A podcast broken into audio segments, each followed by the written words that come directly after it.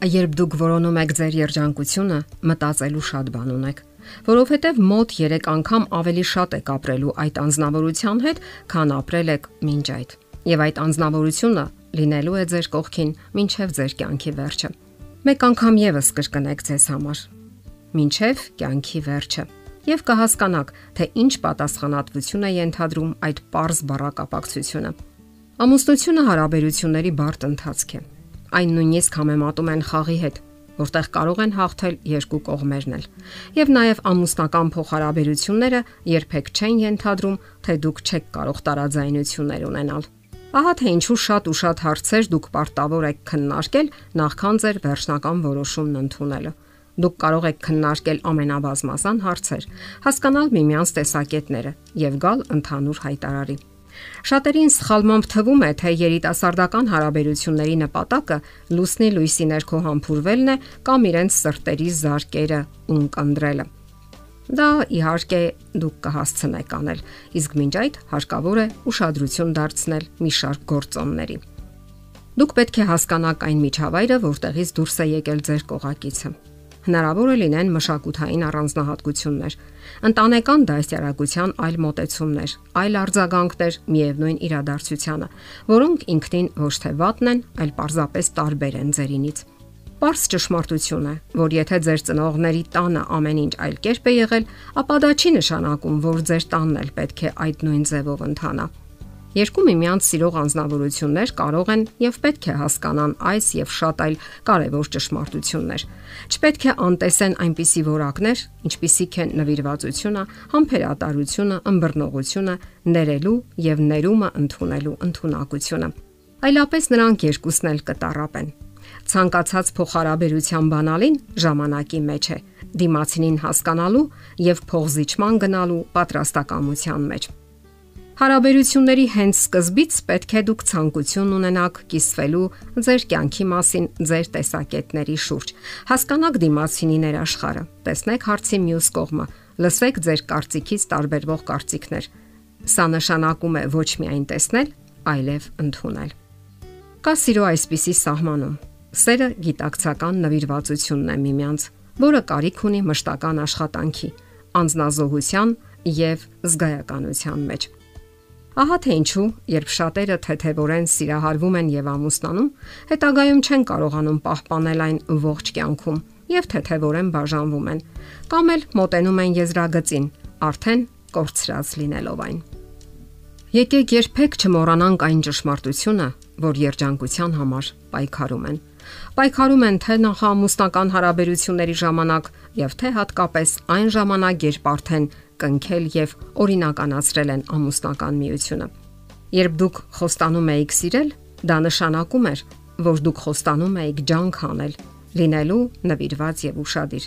Եվ դա այն ժամանակ, երբ դուք անգամ ցանկություն չունեք այդպես վարվելու։ Ինչ եք զգում, երբ շփվում եք այն անznավորության հետ, ում հետ հնարավոր է երկարաժամկետ, ինչև ձեր կյանքի վերջը տևող հարաբերություններ հաստատեք, այսինքն ամուսնանաք։ Դուք դա իրատեսական եք համարում։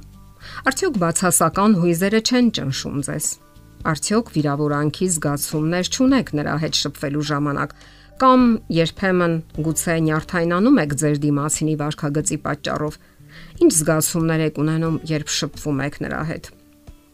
Ոչ միայն զգացմունքներ։ Սա ճիշտ հարաբերության կարևոր սկզբունքներից մեկն է։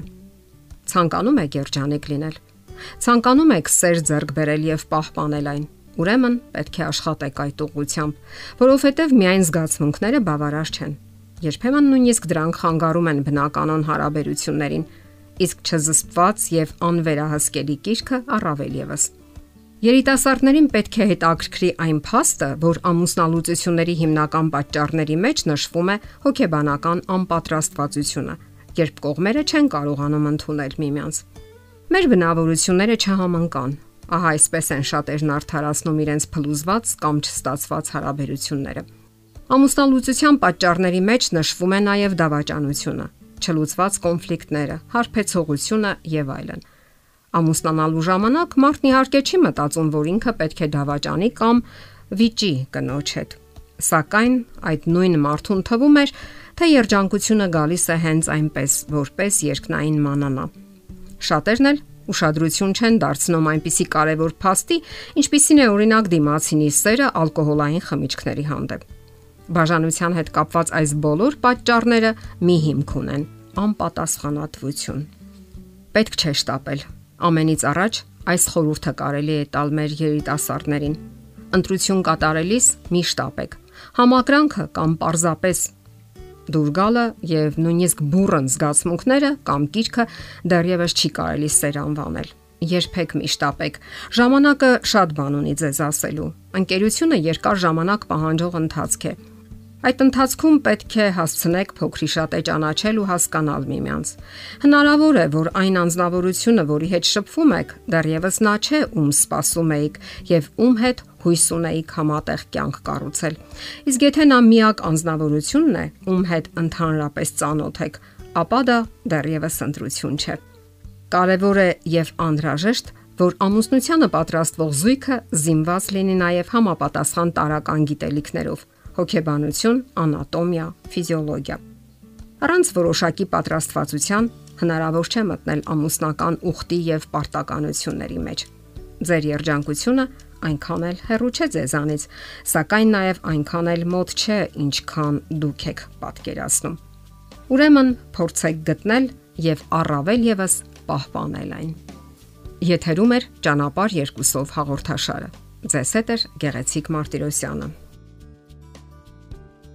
Հարցերի եւ առաջարկությունների դեպքում զանգահարեք 094 08 2093 հեռախոսահամարով։ Հետևեք մեզ hopmedia.am հասցեով։